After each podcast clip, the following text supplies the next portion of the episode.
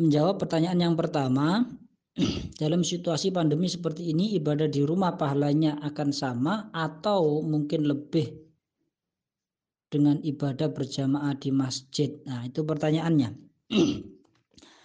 Maka perlu diketahui dalam hadis baginda Nabi Muhammad wasallam ani bin Abbasin qala qala Rasulullah sallallahu alaihi wasallam man sami al man sami al munadiya falam yamna'hu minat tibaihi udrun. Qalu wa mal udru? Qala khaufun aw marad lam tuqbal minhu as-salatu allati shalla dari Ibnu Abbas diriwayatkan bahwa ia berkata, Rasulullah Shallallahu Alaihi Wasallam bersabda, Barang siapa mendengar adzan lalu tidak ada udur baginya untuk menghadiri jamaah, pada sahabat bertanya, apa udurnya? Beliau menjawab, keadaan takut dan penyakit, maka tidak diterima sholat yang dilakukannya.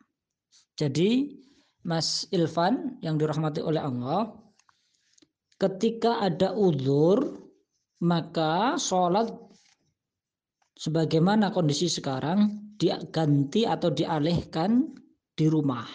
Karena udurnya adalah ada penyakit dan ketakutan. Kenapa? Karena kita tidak tahu siapa sesungguhnya yang membawa virus. Dan apalagi sekarang e, muncul juga OTG orang tanpa gejala. Artinya tidak ada jaminan bagi orang sehat terus kemudian tidak terjangkit. Maka ketika memaksakan diri untuk sholat di masjid, maka sesungguhnya boleh jadi kita yang sholat di masjid itu sebagai apa penyebar virus.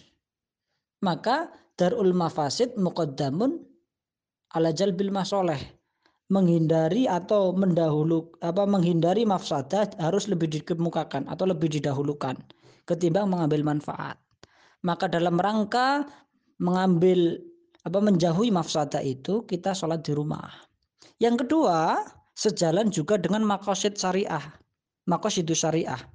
Tujuan syariat Islam apa? Yang kedua adalah hifdzun nafas dalam menjaga jiwa agar jiwa kita terjaga, jiwa saudara kita terjaga, semua saling terjaga, maka ulama memberikan ijtihadnya di dalam hal ini MUI, Muhammadiyah, PBNU dan sebagainya untuk menganjurkan sholat di dalam di dalam rumah.